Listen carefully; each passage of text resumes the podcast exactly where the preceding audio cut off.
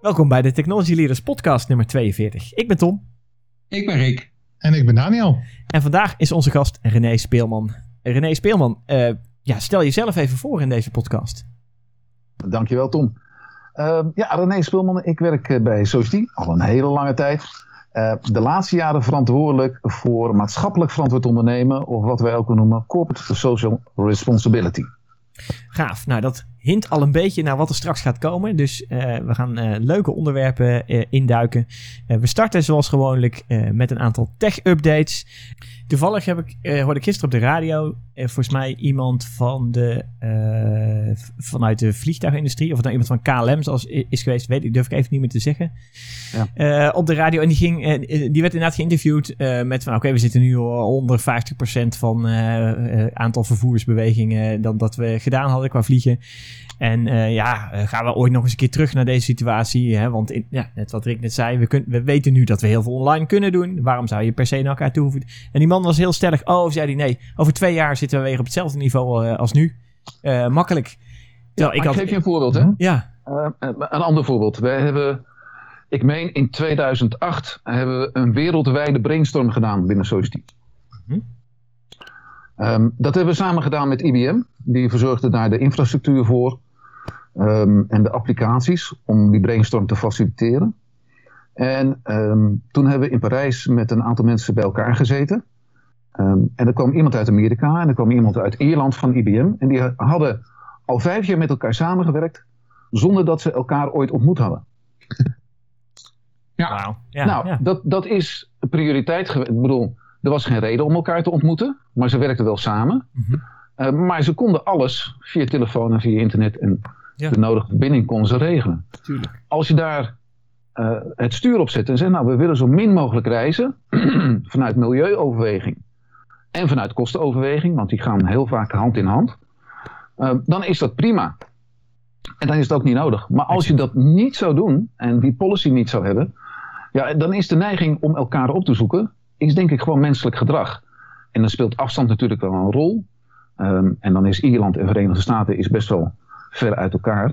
Uh, maar ik vind het wel een mooi voorbeeld om te laten zien dat het al, nou het is het 12, 13 jaar geleden, mm -hmm. ook al kon, uh, mits je daarop stuurt. Ja. En ik denk dat het afgelopen jaar, en Rick zei het uh, helemaal treffend, afgelopen jaar zijn we erachter gekomen dat het ook goed kan en dat je effectiviteit en je productiviteit nog steeds hoog kan zijn. Mm -hmm. Alhoewel het niet altijd leuk is. Precies. Nee. precies. Uh, dus we zullen daar een mengvorm in moeten gaan zoeken. Ja. Um, en ik denk dat het ook heel verstandig is om een mengvorm daarin te zoeken. Ja, en ik ben ook wel van mening dat afgelopen jaar is er één heel groot ding is duidelijk geworden. Dat het ook op grote schaal kan. Want dat was natuurlijk altijd een beetje de vraag. Ja. Van ja, wat nou als iedereen tegelijkertijd thuis gaat werken? Ja. En dat, dat hebben we afgelopen jaar zien gebeuren. Dat dat, ja, het was wel piepen en kraak af en toe. maar ja, uh, ja. Het, het, het, het, kan wel. Tuurlijk, tuurlijk. Nou ja, en een andere belangrijke driver voor ons natuurlijk als, als uh, organisatie die, die service, die kennis en vaardigheden levert naar de klanten, is dat onze klanten ook mee zijn gegaan in dat hele verhaal. Ja. Kijk, ik zeg altijd, de, snel, de snelste manier om voor ons te veranderen is als een klant daarom vraagt. Nou, ja. de klant heeft nu gezien dat het ook kan, dat onze collega's thuis kunnen werken en productief kunnen zijn. Um, dus dat, dat houdt in dat ook de komende periodes, de komende jaren, daar gewoon mee doorgegaan kan worden. In een mengvorm. Ja, ja precies. Want het argument dat het niet zou kunnen is, is nu al bewezen, zeg maar. Dus dat is makkelijk. Dat is van tafel. Dat is van, dat tafel. Is van tafel. Ja, dat is, dat is wel lekker ook. Ja. Dat, uh, ja. ja. Nou ja, zo is het. Zo is het. Maar ik, ik, ik, vond het wel fascinerend dat die man, ja, uiteraard komt hij uit de vliegtuigindustrie, uh, volledig van overtuigd was dat over twee jaar we weer op hetzelfde niveau zouden zitten als nu, twee tot vier jaar. Ja, maar, ik, maar dat is natuurlijk, zijn belang is natuurlijk heel anders. Dus dit, ja, ja, ik denk volg ja. dat berichtjes ook wel eens, maar je ziet ook wel degelijk mensen uit de luchtvaartwereld die al veel langere termijnen aanhouden voor het herstel hoor. Jawel, dat, jawel. Ja, ja, ja. Dus, nou ja, herstel. Maar, ja. maar hoe, hoe, hoezo herstel? Kijk, dat, dat vond ik ook zo uh, uh, frappant. Ja. Ze noemen het herstel naar de oude situatie. Maar ik denk, dat, dat, is, dat is een verkeerde verwoording. Weg Want net naar wat, het nieuwe normaal. Ja, naar een nieuwe normaal. In ieder geval naar die hybride situatie die René net ook schetst.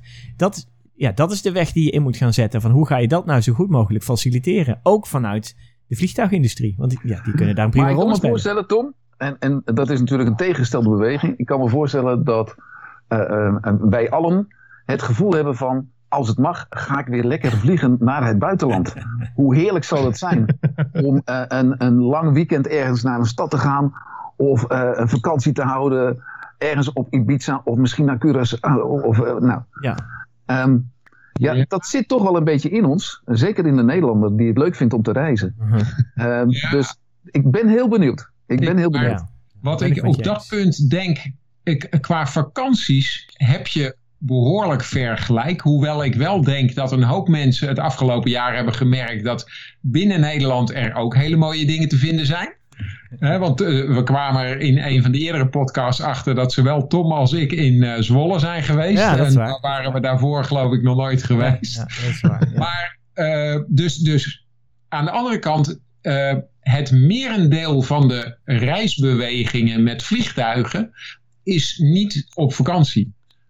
Er, Ja, ja, Nee, dat klopt. sommige mensen wel, hè, maar binnen het bedrijf, eh, als ik, eh, neem ik mijzelf even als voorbeeld, misschien niet helemaal representatief, maar, maar ik zit natuurlijk, ik zat heel vaak in een vliegtuig om ergens training te gaan geven. Mhm. Nou, ik weet zeker dat dat een stuk minder gaat worden. Want we weten dat dat ook gewoon online kan. Ja. Sterker nog, ik, ik geef over eh, een week of twee, drie geloof ik... geef ik een training aan mensen uit Finland, Noorwegen, Zweden en Denemarken. En ik zit gewoon in Nederland. Dus dan heb je vijf verschillende landen en niemand hoeft te reizen. En eh, dat gaat eigenlijk wel zo makkelijk. Het Ja. is misschien iets minder gezellig, vooral s'avonds. hè, Als je normaal Ja, ja. met z'n allen in zo'n hotel aan de bar gaat zitten. Maar wel efficiënt. Ja, maar hoe zie jij dat dan, eh, Rick? Jij geeft va- vaak trainingen. Ehm, hoe zie jij dat met, met, met online? Want ik merk bijvoorbeeld met online trainingen dat ehm, mensen over het algemeen minder kunnen hebben op een dag. Dus dat. Nee, dat- eh, dat- ja, Daar is een hele grappige ontwikkeling in. Toen, toen ik begon met online training geven, dus dat was vorig jaar maart, april.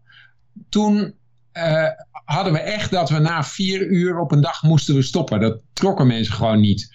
En inmiddels is iedereen zo gewend aan online werken dat we gewoon drie uur s morgens en drie uur s middags en dat gaat prima. ja oké, maar het is niet een volle dag, zeg maar. Dus het is niet. ehm, Voor, voor, ons was 9 een tot 5. trainingdag, voor ons was een trainingdag altijd al maximaal zes uur op een dag. De- dus dat, dat is niet anders. Wa- Wat ik wel merk is dat met name als je mensen vaardigheden moet leren, eh, dan is het veel lastiger. Want normaal loop ik door de klas en dan kijk ik over hun schouder en dan zie je onmiddellijk deze snapt het, deze snapt het niet. En nu zeg je, nou ga maar aan de gang. Over een kwartier hoor ik het wel. Als je er niet uitkomt, neem even contact op. En daarna een kwartier zegt iemand, ja stap 1 snapte ik niet. Weet je, ja, ja. Nou, we kunnen in ieder geval duidelijk ook over, eh, met elkaar eens zijn dat er een, een hele eh, wetenschap aan het ontstaan is over het thuis werken, het thuis effectief zijn, het online doseren, eh, online didactiek. Ehm, en dan zal er verschil zijn tussen de kinderen, eh, de jongvolwassenen en de volwassenen thuis leren. Ehm, ja, dat is nu volop in beweging gezet door het afgelopen jaar. En dat is een goede zaak, omdat het een nieuw gebied is. Ehm, maar ik, ik, ja, ik zie ook wel de andere kant. En dat is de hunkering om elkaar te ontmoeten. oh ja. Face-to-face. Ehm, in, ook in trainingsomstandigheden Mhm. of eh, eh, stra- strategie-sessies of wat dan ook. Omdat het gedrag aflezen van elkaar ehm, dan toch net iets makkelijker is. Ja, ja, klopt. dat is, dat is heel En mooi. ook het, ook het gebruik van humor, hè, om het te verluchtigen. Als je bij elkaar staat en je kan iemand een klap op zijn schouder geven en een grap maken, dat is net iets makkelijker dan als je dat online doet. eh, En je nog even in de interpretatiefase zit van, was dit nou een grapje of niet?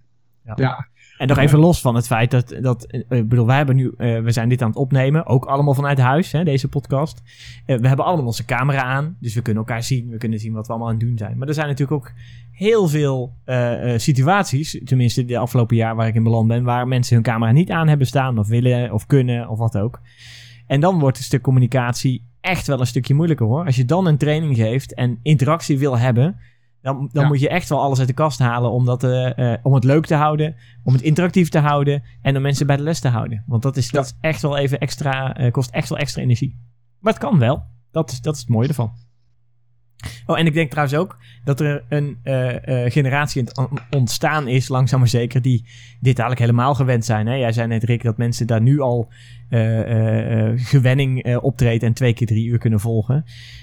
Ik zie het nu bij mijn kinderen. Ja, die, die, die hebben nu ook weer thuisonderwijs ja, die beginnen daar ook aan te wennen. Dat is, dat is ook gewoon gewenning. En, en die weten nu al, oh, ik heb dan een instructiemomentje. Dan moet ik even opletten online. Uh, dan ga ik lekker zelf werken. Uh, ik kan, oh, dat is het moment dat ik vragen kan stellen. Ondertussen hebben ze, in ieder geval de oudste heeft on, online met vrienden en klasgenoten appgroepen en alles ingericht. Waarbij ze gewoon onderling nog contact hebben. Ja, ehm, die, die groeien hiermee op, zeg maar. dat, dat, dat zie je gewoon gebeuren. Ja. ja. Nou, daar, daar zit denk ik wel even op mijn gebied een maatschappelijke kant weer aan. Um, dat je uh, dat voor een groot gedeelte zo kunt regelen en dat een groot gedeelte erin meegaat, maar dat je daar ook aandacht moet blijven houden voor de kwetsbare kinderen, ja. de kwetsbare gezinnen. Zeker, ja. Um, we hebben in samenwerking met de gemeente Amsterdam vorig jaar maart, april, mei zijn er duizend laptops uitgereikt aan gezinnen waar gewoon de verbinding met school niet gemaakt kon worden. Uh, wij hebben daar uh, vanuit Society en Capgemini digimaatjes geleverd om die gezinnen te helpen.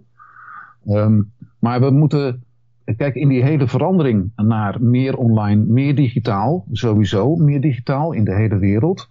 Nou, we hadden het net over Google. Mm -hmm. uh, hoe zorgen we er nou voor dat alle mensen in Nederland toegang hebben tot de digitale hulpmiddelen? Niet omdat het zo leuk is, maar omdat het essentieel is in hun leven. Ja. om gewoon jezelf te kunnen ontwikkelen. Nou, en, en, daar moeten we ook oog voor blijven houden. Dat we niet te hard doordraven in alles kan online, alles kan digitaal. Want er blijft een groep waar, en ik zie het nu op de school van mijn vrouw ook, waar gewoon de opvang is voor de kinderen mm -hmm. uh, van de gezinnen, waar dat niet vanzelfsprekend is. Of in dit geval ook waar de ouders een, een uh, essentieel beroep hebben. Dus niet thuis onderwijs kunnen geven. Ja. ja. Ja, want dat is, dat is inderdaad heel duidelijk uh, het gevaar. Ik, heb, uh, bij, ja, ik zit in de gelukkige situatie dat ik inderdaad uh, twee kinderen thuis heb die alle digitale middelen hebben en mij erbij hebben om alle problemen ja. zeg maar op te lossen.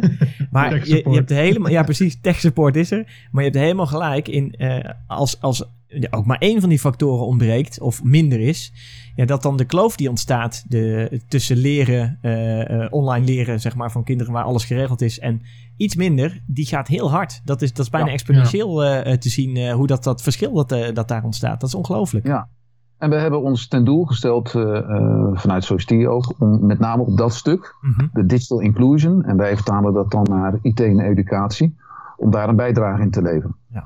Um, dus ja, wij focussen heel erg op van hoe zorgen we ervoor dat iedereen, en dat gaat niet alleen maar over kinderen, maar dat kan ook ouderen zijn, dat iedereen de mogelijkheid heeft om IT-hulpmiddelen te kunnen gebruiken voor zijn of haar ontwikkeling. Mooi, mooi, mooi, mooi, mooi. Gaaf, leuk, ja. Ja, dat past, past gewoon helemaal bij, uh, bij alles wat er nu gaande is. Helemaal goed, helemaal goed. Ja. Even kijken, we hebben, uh, ja, we zijn heel eind doorgegaan op het uh, tech-item uh, van Rick, maar dat is helemaal mooi, want het sluit, ja, zoals je al zei René, perfect aan op, op jouw aandachtsgebied binnen Society. Ja, Rick begon erover. Ja, ja het, is, het is Rick's schuld nou, inderdaad. Maar Tom moet nog even zijn tech-item. ja, ja, ja, ja, zeker, zeker. Ik ben benieuwd zeker. of er nog een bruggetje te maken is, Tom. Ja, nou, ik ben ook benieuwd inderdaad. Ik heb een, een tech-tech-item. Ik heb de Ender 3D printer, de versie 2 als tech-item meegebracht. Uh, want... Die heb jij net zelf geïnstalleerd, zeker? Uh, precies, heel goed. Ja. Heel goed, jij snapt het. ja, en eigenlijk is het ook geboren vanuit de situatie dat we thuis zitten. En, en uh, ja, normaal ben ik ook in mijn werk en in opdrachten altijd wel bezig met wat tech-oplossingen in elkaar te knutselen. Of, of daarnaar te kijken of te zien. Of komen ze gewoon langs. En, en dat ontbreekt nu op dit moment. Want ja, ik, ik, kom mijn huis niet uit. Dus niet, in ieder geval niet naar klanten. En ik zie dus een stuk minder van dat soort dingen. En 3D printen is uh, iets wat we ook binnen Society ook wel doen. En technolo technologische oplossingen op basis van 3D printen leveren. Um, dus het, had mijn aandachtsveld. Het, zat al in mijn aandachtsveld. En uh, ook hobbymatig vind ik het een leuk iets. En het is gewoon een leuk, het is gewoon een leuk vakgebied om eens een beetje in te duiken en te kijken wat er kan. Dus ik heb mij uh, een uh, Ender 3D uh, printer aangeschaft. En die komt als een mooi bouwpakket, dus dat vond ik ook al leuk. Dan kun je dat helemaal in elkaar gaan zetten. En niet, niet super ingewikkeld, maar goed, het is toch leuk om te doen. Dan moet je hem helemaal kalibreren. Je moet dat, ervoor zorgen dat het bed waar alles op geprint wordt, moet helemaal perfect vlak zijn. Nou, dat is al een uitdaging op zich. En hoe zorg je er nou voor dat uh, dat printspul, dat uh, PLA, blijft plakken op dat bed. En nou, het is ge geweldig om daarin te duiken. Er zijn, nou, je wil niet weten wat voor fora en, en websites er allemaal niet over zijn om eigenlijk elk gewenst probleem uh, te tackelen. dus ik ben nu drie dagen op weg en ik, op dit moment naast mij, jullie horen het bijna niet, dus het is nog redelijk, redelijk stil ook, maar staat hij te zoomen. en is hij een, een printje aan het maken. maken. Ik heb, nadat ik een uh, een hele hoop eh, testprintjes heb gemaakt om te kijken hoe vlak alles is en of alles, de temperaturen goed ingesteld zijn, et cetera. Uh, ben ik nu een bakje, een ongeveer kubusje aan het maken.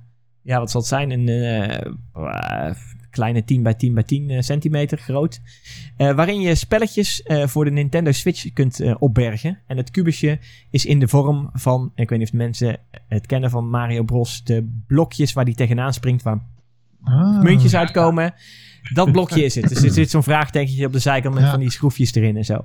Uh, en dat bakje ben ik aan het printen. En dan kun je er heel mooi zitten vakjes in waar je dan de game cartridges, die tegenwoordig eigenlijk soort SD-kaartjes zijn, allemaal in kwijt kunt. Nou, dat is hij nu aan het printen.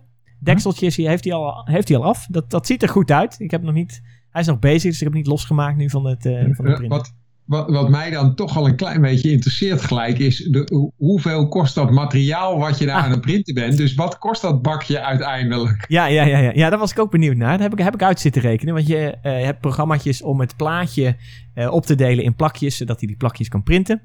Uh, en dan rekent gelijk uit hoeveel meter materiaal je nodig hebt. En dan kun je zelfs invullen wat jouw PLA-rol, want je koopt dat per kilo, gekost heeft. En dan rekent hij uit wat dat ene bakje kost. En ik heb verteld dat is niet heel veel. Dat is echt uh, een, een eurotje of zo. Nog niet eens, geloof ik. Dus uh, dat is maar heel weinig. Ja. ja, ik dacht ook dat het veel harder zou gaan eigenlijk. Uh. Maar dat valt ja. reuze mee. Ja, ik ja, dat valt dan okay. inderdaad wel mee. Ik had uh, twee, rollen, twee rollen van dat spul besteld. Twee kilo. Ik denk, nou, volgens mij gaat dat wel hard. maar dat gaat helemaal niet zo hard. je moet nog flink veel dingen verzinnen om te printen. nou, nou dat, dat, hoef ik dan weer niet. Want ik heb een lijstje aangelegd van dingen die ik allemaal wil printen. Nou, ik kan je vertellen, daar ben ik voorlopig nog wel even zoet mee. die blijft nog wel even draaien, die printer. Die blijft nog wel even draaien. Los van dat nu allerlei vrienden ineens uh, uh, er ook de hoogte, op, op de hoogte zijn. En ik gelijk al berichtjes kreeg. Oh, kan ik bij jou site laten printen? Ja, ja, ja. Dus, dus ik denk, daar kan ik hem dan terug gaan verdienen? Mwah, dat is moeilijk hoor. Dat, is, dat duurt lang.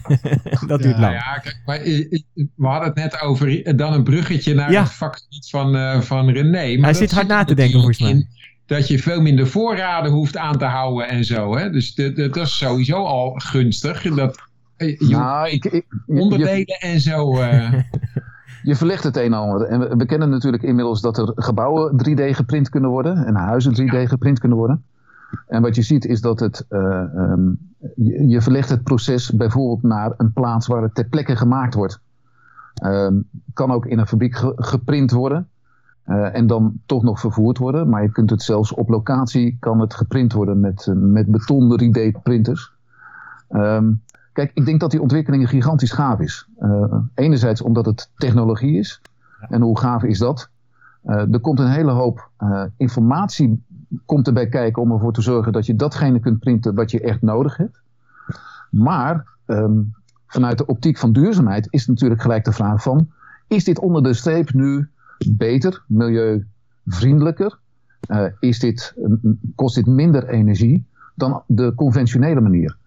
En die voortgang van de technologie is zo mooi om te zien dat we steeds weer op nieuwe dingen komen, waardoor je de link kunt maken naar duurzaamheid en kunt zeggen van ja, maar frek, dit helpt dus ook in minder CO2. Want heel veel rekenen we terug toch wel naar minder CO2. Fijnstof is ook een belangrijk item. Uh, minder vervoersbewegingen, meer op de plek kunnen printen. Ja, dat helpt, dat draagt bij. Ja. Um, waarschijnlijk is het vervoeren van zo'n rol materiaal makkelijker dan dat je allemaal uh, uh, bakjes of blokken of zo vervoert. Nou ja, en, en kijk, de, de, het andere uh, leuke voorbeeld wat ik altijd zie is de 3D-printers die in de gezondheidszorg gebruikt worden. om protheses, protheses, protheses te printen. Precies. Ehm, of eh, eh, nou, het traject wat zich daarmee bezighoudt, waardoor het veel meer op maat kan zijn dan Ja. voorheen. Ja. Ehm, dus je, ja, je dient er zoveel mooie doelen mee. Maar als het op maat is, dan heb je ook minder verspilling van materiaal. Eh, het gaat in één keer goed. Ehm, en dat, dat, ja, nou ja, dat hoop je dan in ieder geval. Hè. ja. Eh, in de ja, bij mij ging het niet in één keer goed hoor. Bij mij ging dat nog niet in één keer goed, dat printen. Nee. Ehm, nou ja, voordat het in de gezondheidszorg gebruikt Ja, wordt, dan, dan zal het wel in één keer goed moeten zijn. ja, dat geloof ik. Ehm, maar je, je bespaart ook een hoop eh, eh, waste, afval. Ja. En dat is natuurlijk ook een mooie bijkomstigheid. Ja, ja, Nou, zeker. En, en je Ja. kunt ook dingen die je vroeger niet kan. Want nu jij het hebt over gezondheidszorg, herinner ik me opeens. eh, een van mijn dochters, die wil, die, daar was het nodig om iets aan gebitscorrectie te doen. En dan ken je allemaal wel die, die eh, ijzerdraadjes die eraan geplakt worden. Maar tegenwoordig 3D-printen ze gewoon een soort malletje wat je over je tanden heen moet klikken. En dan krijg je, ze heeft geloof ik 17 verschillende. En dan iedere week moet je een andere inklikken. En dan eh, na 17 weken, dan eh, staan je tanden recht. Wauw. En, eh, en die zijn allemaal 3D-print. En dat weet ik omdat we hadden het erover in één keer goed. Maar dat ging de eerste keer dus niet goed. Dus dat paste helemaal niet. niet. Ja, ja, ja, ja, ja, ja, Dus toen moesten we weer terug en Ja. allemaal gedoe. En, eh, Ja. Maar goed, de- de- ook dat is waarschijnlijk omdat het nog heel erg nieuwe technologie is. Ook voor dat tandtechnische bedrijf. Ja, ja, dat kan ongetwijfeld een rol spelen, inderdaad. Ja, ja. Ja. Nou, eh, ja, ik vind het ook ontzettend gave technologie. Dus ik wilde er gewoon zelf mee aan de gang om het eens te voelen, te mee te maken en te doen. En eh, ja, een hobby. Het is gewoon een leuk hobby ermee, zeg maar, met zo'n printer. En eh, eh, hij staat lekker te zoomen. En ik denk dat het bakje vanavond al klaar is. Eh, nou, dat vind ik dan ook nog best, eh, best wel acceptabel. Dat je niet twee dagen lang een ding aan het printen hebt. Hoe lang duurt dat? Eh, dit een uurtje of zes of zo, denk ik. Oké. Ja, Ah. en ja, in het begin wil ik, ja, zet je hem toch naast je neer. Want eh, eh, wat ik al zei, in het begin ging het dus gruwelijk mis. Want dan print die, zit er een heleboel onder van die draadjes plastic, zeg maar. En dan moet je dat wel maar schoonmaken. En dan heb je dus helemaal niks. maar, maar ja, als je er niet bij gaat zitten, dan is hij zes uur bezig. En dan heb je eh, een kluwen van zes uur lang. Of, of motortjes die doorbranden. Weet ik het wat allemaal. Wat er een narigheid er kan gebeuren. Eh, Ja. Dus betrouwbaarheid in zo'n proces is best, best een dingetje. Ja. Maar is ja. dat plastic een beetje milieuvriendelijk? Nou ja, het is gerecycled spul allemaal. Hè? Dat is het mooie van PLA. Is, eh, en je hebt nog, nog een aantal andere. eh, volgens mij zit het gewoon allemaal zelfs afbreekbaar. Ja, alles is natuurlijk afbreekbaar. Dat vind ik ook al zo fascinerend. Het is afbreekbaar plastic. Ja, ja. Uiteindelijk is plastic afbreekbaar. Want het duurt alleen heel lang. Maar ja. Maar dit is Maar gerecycled uit. de eh, term PLA dan voor, Tom? dat is een goede vraag. Die ken ik zo uit mijn hoofd niet. Eh, Even googlen. Ja, precies. Ik zoek het er gewoon eventjes bij. Dat Oh, is, nou ja. het, het zijn mijn eerste stappen op eh, 3D eh, printgebied natuurlijk. Anders zou ik dit natuurlijk als parate kennis moeten hebben. Eh, het is mooi. Oh ja, poly, polylactic acid. Daar staat het voor. Oké, dat helpt. C3H4O2N. Dat is het een beetje. Ja. Het is een eh, thermoplast. Ja, polyester is het eigenlijk. En eh, ehm, heeft een, eh, ja, het, heeft, eh, eh, het, wo- het wordt gemaakt door het condenseren van lactic acid. Dat is melkzuur volgens mij. CHCOOH. Met, waarbij het water eruit gaat. En dan krijg je een, een, polymer, een polyester. Niet een polymeer, een polyester. Wordt het. Oké. En je kunt het dus prima uit gerecyclede andere plastics halen. Want je, ja, je, je verpulvert de hele boel. En je zorgt er uiteindelijk weer voor, volgens een net proces, dat er een mooi draadje uitgemaakt wordt die je oprolt.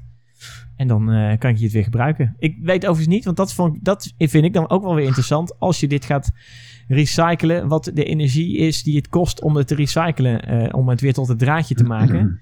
Of dat niet een ontzettend hoge energielast is, zeg maar. Dat, dat ben ik niet, heb ik nog niet helemaal uitgezocht. Ik denk omdat het eh, altijd verstandig is om het te recyclen dan het in het milieu te gooien. Da- dat is per definitie waar, inderdaad. Ja, Dus dat, dat is al een, eh, een belangrijke stap daarin. dat is een belangrijke stap. Maar goed, als het echt zoveel energie gaat kosten dat, we, dat er een soort energiebalans, disbalans ontstaat, die zo groot is dat je het beter eh, ja, niet in het milieu kunt gooien, maar in ieder geval ergens op zou moeten slaan. Versus, dat Nee, zou nog nee, kunnen. Maar goed, ja, ik ben met je eens dat we dit niet allemaal rondgeslingerd willen hebben. En het liefst Nee. eh, in zo'n draadje, zodat ik weer eh, bakjes kan printen voor eh, Nintendo-spelletjes. Dat is, een, een mooie, een mooie cradle-to-cradle bouwen hiermee. Dus ook daar weer een linkje naar René. Goed streven. Ja, Ja, toch? Ja. duidelijk. Dus nou ja, dat is mijn, mijn tech-item inderdaad. Hij staat lekker te zoomen. En ja, ik heb nu best wel vertrouwen in dat het, het eerste printje... Een, waar, ja, waar we nu nou, nog net niet live eh, getuigen van zijn in deze podcast... eh, tot een eh, goed eindresultaat zal, zal leiden. Goed zo. Eens even kijken. Ehm, we hebben een aantal onderdelen van jouw vakgebied wel al langs gelopen, René, in, in, in onze tech-items. Zijn er nog dingen die we nog niet behandeld hebben, waar jij je ook mee bezighoudt? Op het, Ja, ja zat. Heb je nog een uurtje? nee, nee, nee. Ik- wat is nog iets wat je kwijt wil misschien? Laat ik het zo Nee, vragen. wat, wat ik, we hebben het over eh, de combinatie gehad van technologie en duurzaamheid. ehm, de, eh, het omzien naar mensen die het eh, minder hebben of die niet in de gelegenheid zijn, zoals wij eh, dat zijn. Ehm, wat ik denk ik nog een heel belangrijk item is, is van hoe zorgen we nou voor dat ehm, eh, duurzaamheid onderdeel wordt van ons portfolio Hmm, van ons IT-portfolio.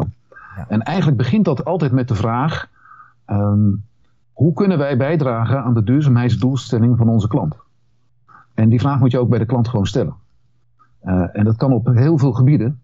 Ehm, ik denk dat heel veel klanten van ons, ehm, de industrie, de dienstverleners, de telco's, eh, de financiële dienstverleners, al bezig zijn met duurzaamheid.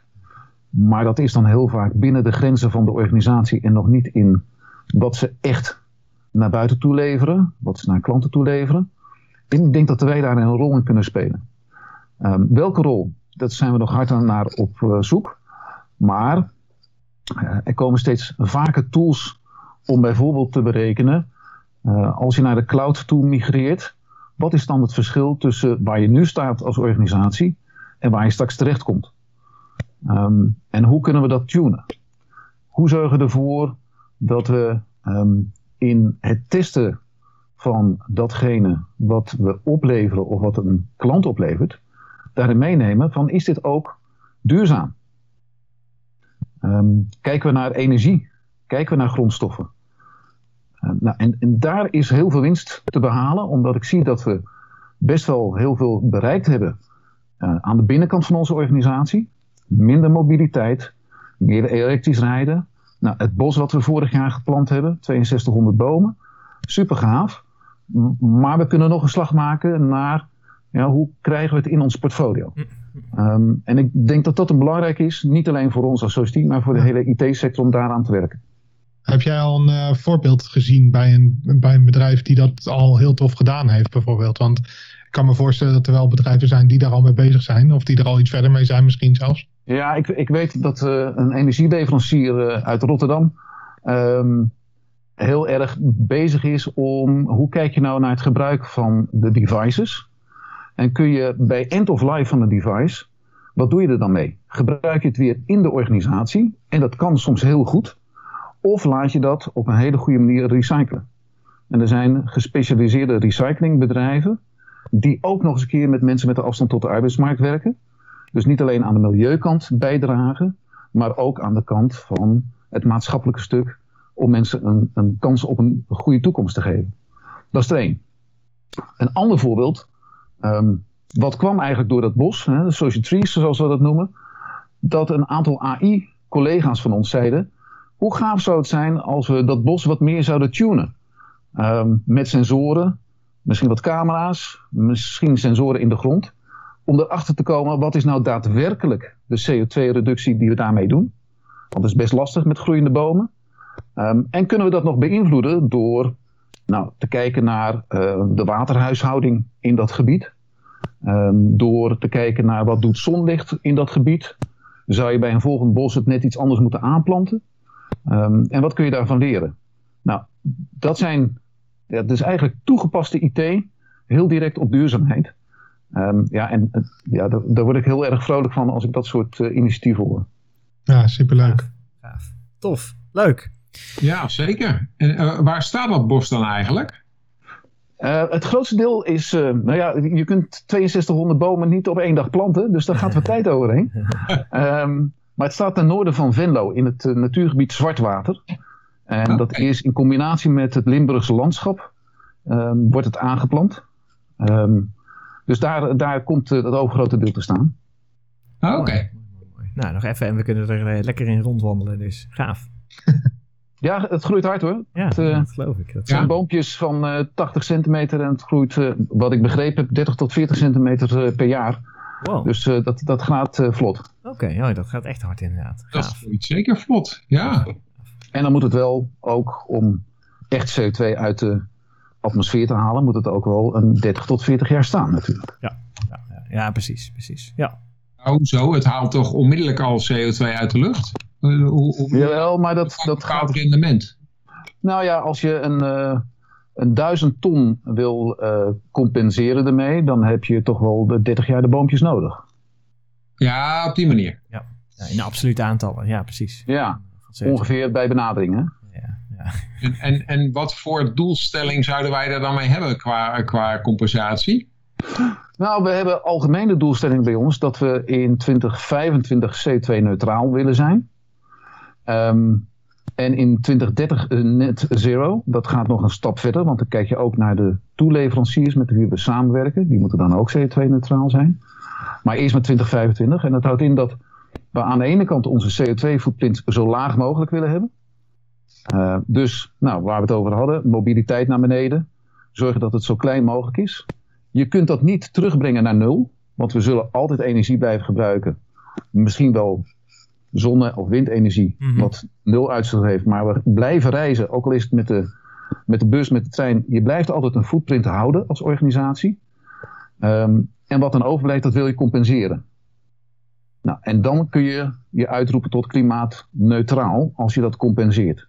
Oh ja. Oké, oké, op die manier. Ja. Nou, en, en daar speelt bijvoorbeeld het aanplanten van een bos speelt daar een rol in. Maar je kunt ook investeren in windmolenparken, ehm, daar een bijdrage in doen. En dan kun je dat ook gebruiken om je footprint naar nul te brengen. Dus als iemand zegt, ik ben CO2-neutraal, dan is het over het algemeen, de meeste bedrijven is het niet zo, dat je helemaal geen uitstoot hebt, maar dat je de uitstoot die je nog hebt, compenseert. Compenseert. Op een goede, verantwoorde manier. Ja. Gaaf. Wat is eigenlijk het verschil met, eh, ja, met klimaatneutraal en volgens mij is er nu ook eh, carbon negative of zoiets noemen ze het?